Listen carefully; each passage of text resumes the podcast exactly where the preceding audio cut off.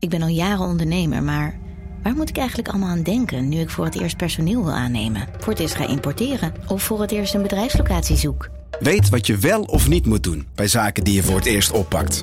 Check kvk.nl voor praktische stappenplannen. KVK, hou vast voor ondernemers. Al 125 jaar kwaliteit voor jou thuis met Miele. Dat vieren we met jou. Ontvang nu tijdelijk een cashback tot 125 euro op veel Miele-apparatuur. Geniet van de kwaliteit van Miele. Voor perfect verzorgd wasgoed en kleding die veel langer mooi blijft. Voor een stralend schone vaat, even perfect als jouw diners. En een stofvrij thuis waarin echt hygiënisch schoon de standaard is. Check miele.nl voor alle feestelijke aanbiedingen. Vanaf de redactie van NRC het verhaal van vandaag. Mijn naam is Thomas Ruip.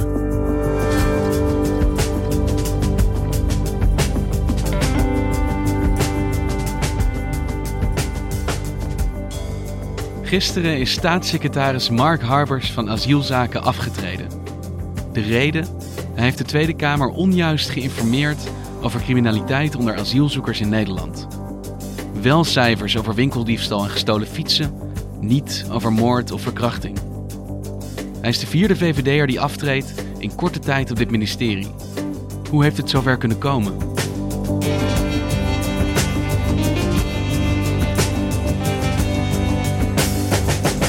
Aan de orde is het debat over het overzicht van geregistreerde incidenten in de rapportage Vreemdelingenketen. En ik heet de staatssecretaris van Justitie en Veiligheid van harte welkom en geef mevrouw van Torenburg als eerste spreker namens het CDA het woord. Staatssecretaris van Asiel eh, van de VVD, Mark Harbers, is zojuist opgestapt. Mark Lievisse Adriaanse is politiek redacteur voor NRC in Den Haag. En hij volgt het ministerie van Veiligheid en Justitie. En aangezien dit alles het vertrouwen raadt tussen uw Kamer en mij. En ik er ook zelf aan hecht dat op dit punt ook geen enkele twijfel kan zijn. Juist ook vanwege de ernst van de problematiek met overlastgevenden. Zal ik zijn majesteit de koning verzoeken om mij ontslag te verdelen. Ik dank de Kamer voor het in de afgelopen periode in mij gestelde vertrouwen. Dank u wel. Hey Mark, heel fijn dat je even tijd voor ons hebt uh, op deze dag. Want jij komt net de Tweede Kamer uit. Wat is daar allemaal gebeurd? Vorige week dinsdag heeft het ministerie van Justitie een jaarlijks rapport naar de Tweede Kamer verzonden over um, eigenlijk de staat van asielzoekers in Nederland. Hoe doen asielzoekers het in Nederland? En op verzoek van de Tweede Kamer zat er ook een hoofdstuk in over criminaliteit die door asielzoekers gepleegd zou zijn. Het gaat dan om verdenkingen, nog niet om veroordelingen. Dat is een belangrijk onderscheid. En de Tweede Kamer wilde heel graag dat er openheid over zou komen. En Harbers vond het ook heel belangrijk. Die heeft gezegd: Ik deel die mening van de Tweede Kamer. We moeten weten wat asielzoekers uh, op hun kerfstok hebben. Zeker ook in het licht van het belang dat ik zelf, zoals ik u net zei, aan die cijfers zeg. Maar zeker ook in het licht van het belang dat de Tweede Kamer terecht aan dit onderwerp geeft. En dat is niet iets wat het uh, ministerie uit zichzelf publiceert. Daar moest om gevraagd worden. Uit zichzelf publiceerden ze het niet, maar de Tweede Kamer uh, wilde dat heel graag. En Harbers vond het eigenlijk ook. Um, die wil uh, ja, dat er openheid en transparantie en eerlijkheid is over, over dit soort thema's. Dus hij heeft gezegd, nou, dat, daar ben ik het mee eens. En we moeten die cijfers ook gewoon gaan publiceren. Dus dat zijn ze gaan uitzoeken? Ja, ze, het ministerie van Justitie heeft een aantal weken geleden van de politie um, deze cijfers gekregen. De politie registreert criminaliteit in Nederland, of in ieder geval de meldingen ervan. En die weten ook ja, uh, wie de daders zijn, of de, de verdachte in dit geval. Um, en kunnen dus ook zien wie in een uh, asielzoekerscentrum woont. Hoe vaak gaan asielzoekers de fout in? Elk half jaar worden die cijfers aan de Tweede Kamer verstuurd. Zo ook afgelopen dinsdag, waarin vooral kleinere zaken stonden. Zo is te zien hoe vaak een asielzoeker vorig jaar een winkeldiefstal pleegde. Kijk, het, het gaat om uh, uh, meldingen van misdrijven. Um, dus er is nog niet uitgezocht of het ook daadwerkelijk heeft plaatsgevonden of iemand daadwerkelijk schuldig is. Het gaat om meldingen van misdrijven. En de politie registreert dan ja, adressen van mensen natuurlijk hè, en wie het zijn. En daarbij is ook ja, uit te zoeken of mensen in een asielzoekerscentrum wonen. Nou, dat hebben ze gedaan en ze hebben een, een hele lange lijst um, van misdrijven met de aantallen uh, naar het ministerie van Justitie gestuurd. En op verzoek van de Kamer heeft het ministerie van Justitie die lijst ook gepubliceerd? Niet helemaal. Ehm, het ministerie van Justitie is vervolgens ehm, eigenlijk die lijst gaan samenvatten in een top 10 van meest voorkomende misdrijven. Nou, dan heb je het over bijvoorbeeld winkeldiefstal of kleine mishandeling. Ja, misdrijven die in zijn algemeenheid heel veel voorkomen en die ook niet heel veel impact hebben. En op een gegeven moment zegt een ambtenaar: ehm, Ja, jongens, is dit wel een verstandige manier? Want eigenlijk wil de Tweede Kamer, die is helemaal niet geïnteresseerd in hoeveel winkeldiefstallen er zijn, die wil weten of er ook verkrachtingen zijn, of uh, moorden, of zware mishandeling, of aanrandingen. Uh, echt zware misdrijven die ook een, een grote impact hebben op, op mensen. Er zijn meerdere ambtenaren die dit opmerken en die ook constateren dat ja, als we een top 10 publiceren, dan gaan daar vragen over komen. Dan creëren we eigenlijk onduidelijkheid. Omdat zwaardere um, misdrijven minder vaak voorkomen en dan dus niet in zo'n top 10 zouden belanden. Ja, inderdaad. Die top 10 die eindigde ongeveer bij 80 misdrijven. Nou, er waren in 2018 vier verdenkingen van verkrachtingen door asielzoekers gepleegd. Ja, die komen niet in zo'n top 10 terecht. Dus die zijn allemaal in een hele grote categorie terechtgekomen, genaamd overig. Um, en dat waren samen duizend misdrijven. En die vormden eigenlijk ja, uh, nummer 11 in die top 10. Goedenavond. Pogingen tot moord, ontvoeringen, verkrachtingen en seksueel misbruik van kinderen. Zeer ernstige delicten die je normaal gesproken bovenaan de lijst verwacht bij criminaliteitscijfers. In de misdaadcijfers van overlastgevende asielzoekers werden juist die zware delicten onder het kopje overige zaken gevoegd. Verdoezeld, zeggen sommige Kamerleden. Toen kwam vorige week donderdag het bericht um, in de Telegraaf dat er cijfers verhuld zouden zijn. Dat inderdaad in die, die elfde categorie overig de echt zware misdrijven zaten.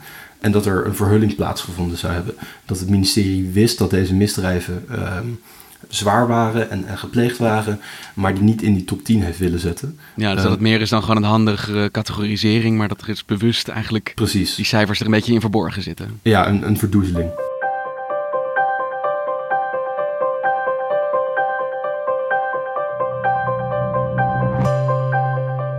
En klopt er iets van die beschuldiging? Het ministerie heeft toen eigenlijk meteen gezegd: uh, ja, we hebben deze cijfers van de politie gekregen. Uh, dus wij, die, die beschuldiging die erkennen wij niet. Uh, nou, dat bleek al heel gauw niet te kloppen, omdat de politie um, gewoon de, eigenlijk de ruwe data, een hele lange lijst misdrijven naar het ministerie heeft gestuurd en ook naar de Telegraaf. En toen wij er donderdag naar vroegen, ook naar NRC. Um, en aan het einde van de middag is Mark Harbers toen voor de microfoon van de NOS gekomen. Dat was niet helemaal gepland, maar hij was op het ministerie van Algemene Zaken geweest, liep naar buiten en ja, daar stond een NOS-journalist om op te wachten. En daarin zei hij iets dat, als je het nu nog een keer terugluistert, eigenlijk heel opmerkelijk is. Dag meneer Harbers. Meneer Harbers, heeft u bewust de cijfers over zware criminaliteit bij asielzoekers verzwegen? Nee, absoluut niet. Uh, we hebben dit jaar voor het eerst juist geprobeerd om veel meer cijfers te verstrekken. Hij zegt het is volstrekt onbedoeld dat um, deze categorisering tot onduidelijkheid heeft ge gezorgd. Um, we hebben gewoon een top 10 gemaakt.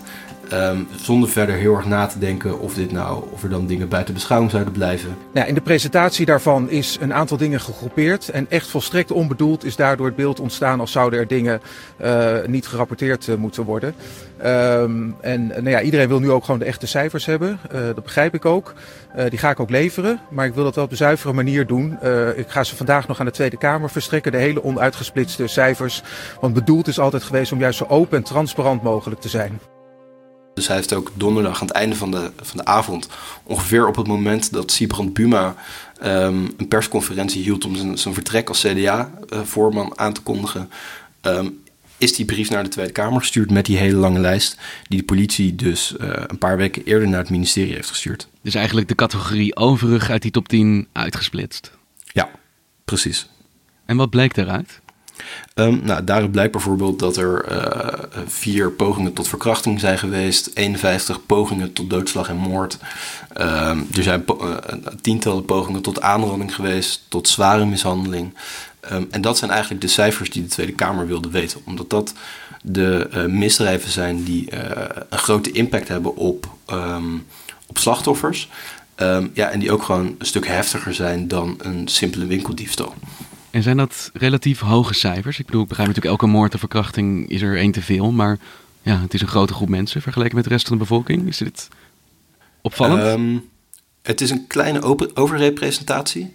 Um, en volgens de politie is het vooral een kleine groep asielzoekers die eigenlijk niet zoveel in Nederland te zoeken hebben, omdat ze um, geen verblijfsvergunning krijgen. Een kleine groep die eigenlijk voor een overrepresentatie zorgt. Als je kijkt naar het aantal pogingen tot doodslag en moord, dat zijn er jaarlijks ongeveer 2700 in Nederland.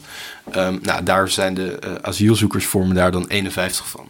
Dat is niet heel groot, maar het is wel, als je het puur procentueel kijkt, is het een iets uh, een kleine overrepresentatie ten opzichte van uh, mensen die niet in asielzoekerscentra wonen.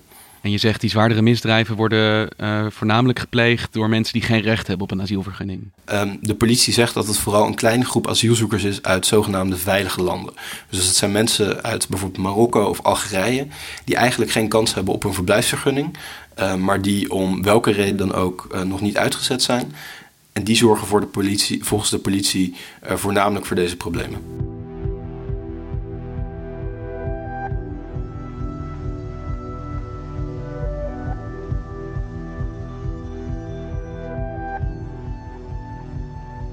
Harbers heeft toen meteen uh, uh, deze uh, volledige lijst naar de Tweede Kamer gestuurd. Heeft ook toegezegd dat hij nog zou gaan reconstrueren wat er precies is gebeurd op het ministerie. Wie wat precies wist en wanneer. Um, en die brief is dinsdagmiddag gekomen.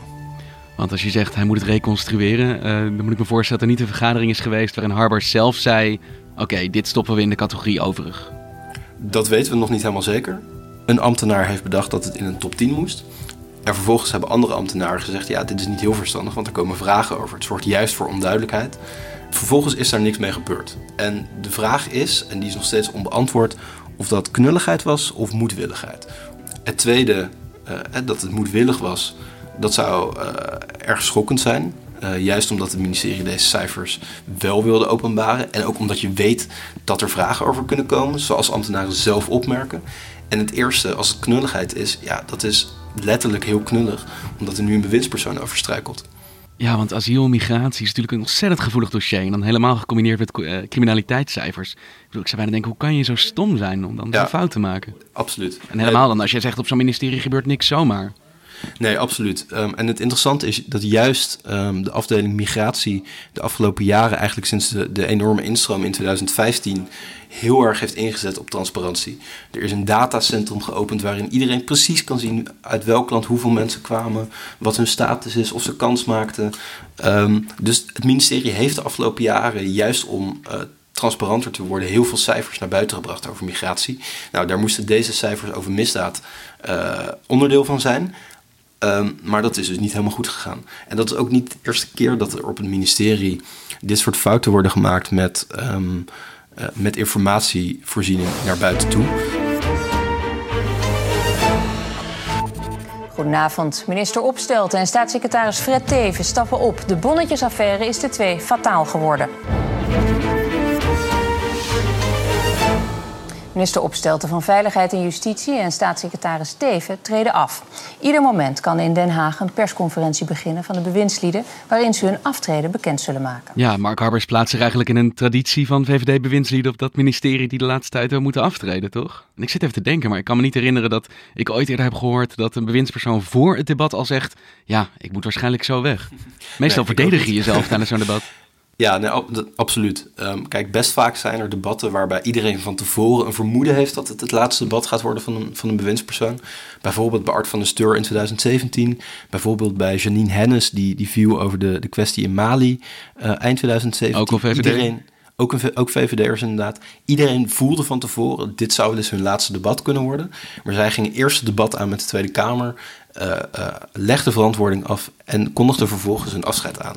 Harbers heeft dat nu niet gedaan. Hij heeft eigenlijk gekozen voor een vlucht naar voren. Dat is inderdaad opmerkelijk. We zijn het hier op de redactie ook even nagegaan. Eigenlijk kon niemand zo'n situatie herinneren. Um, maar daarmee heeft hij wel de angel uit het debat gehaald.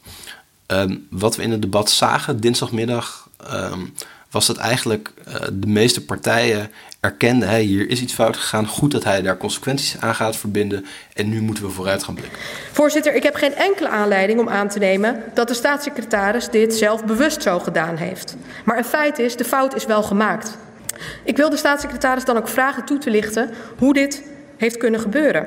Welke conclusies trekt niet alleen de staatssecretaris vandaag, maar trekt ook het departement over hoe in de toekomst moet worden gehandeld. En hoe groot is het probleem voor de VVD nu dat dit gebeurt? Zo vlak voor de verkiezingen en dan ook nog eens op dit ministerie, wat voor de VVD al zo gevoelig ligt? Ja, je kunt het op twee manieren uitleggen. Je kunt zeggen, um, het is het zoveelste voorbeeld inderdaad van een VVD'er die sneuvelt op, op justitie, die sneuvelt op het, uh, op het verhullen van informatie van onwelgevallige feiten. Um, zie je wel, de VVD kan dit ministerie niet aan. Er is een, bepaalde cultuur op dat ministerie. En elke keer als er een VVD'er zit, dan gaat het mis. Um, je kunt het ook anders uitleggen. En dat is, uh, de VVD-bewindspersoon erkent dat, uh, dat het fout gegaan is. En erkent ook dat hij daarvoor politiek verantwoordelijk is. Dat het heel ernstig is. En daar verbindt eraan de uiterste conclusie, namelijk opstappen. Um, dat zijn twee verschillende manieren om deze, deze kwestie voor de VVD uit te leggen. De tweede manier is natuurlijk hoe uh, VVD'ers het zelf graag willen uitleggen. Um, Mm, tegelijkertijd, ja, het, het, het is wel een cultuurprobleem inderdaad op het ministerie met, met VVD'ers. Ja, want wat gaat er dan nu gebeuren? Komt er een nieuwe VVD'er daar op die plek? Dat is wel aannemelijk, ja. Zijn er nog uh, VVD'ers voor die plek? Er zijn weinig VVD'ers over. Um, wat saillant is, is dat Malik Asmani in 2017 heel graag staatssecretaris van asiel wilde worden. Hij is Tweede Kamerlid voor de VVD, bekend van het plan Asmani um, om vluchtelingen buiten Europa te houden. En hij hoopte heel erg dat hij staatssecretaris van asiel zou worden. Dat lukte niet. Het werd Mark Harbers. Um, en Malik Asmani is donderdag lijsttrekker voor de VVD bij de Europese verkiezingen. Hij vertrekt naar Brussel. Um, was jarenlang asielwoordvoerder voor de VVD. Is misschien wel de VVD'er met de meeste kennis van asiel. Maar hij gaat dus naar Brussel en is in principe niet beschikbaar als um, nieuwe staatssecretaris. Kijk, Mark Harbers was uiteindelijk wel iemand die een aantal hele moeilijke dossiers heeft opgelost voor het kabinet.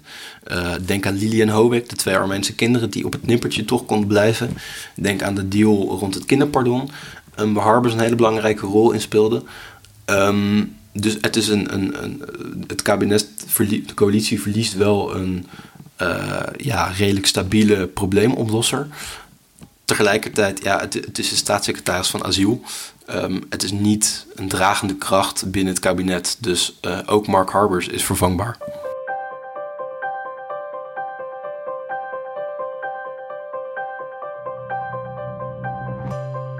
En hoe gaan we hier nou op terugkijken? Zijn er voor altijd die staatssecretaris die gevallen is vanwege een tabelletje? ja, dat is best mogelijk. Um, we hebben een staatssecretaris gehad, ook van de VVD, die viel vanwege een bonnetje. En dit is inderdaad de VVD-staatssecretaris die viel vanwege een tabelletje. Ja, administratie is niet de sterkste kant van het ministerie daar, geloof ik. Nee, dat blijkt. Nee. nee het, het, is voor het ministerie heel pijnlijk. Want ze hebben de afgelopen jaren echt ingezet op een cultuurverandering. Er kwamen nieuwe topambtenaren, er kwamen hijsessies, een veranderd traject. Alles moest anders. Uh, maar dit is toch alweer de tweede kwestie in anderhalf jaar tijd waarin het ministerie van Justitie en Veiligheid in het nauw zit. Dankjewel, Mark. Je luisterde naar vandaag, een podcast van NRC. Eén verhaal, elke dag. Dit was vandaag, morgen weer.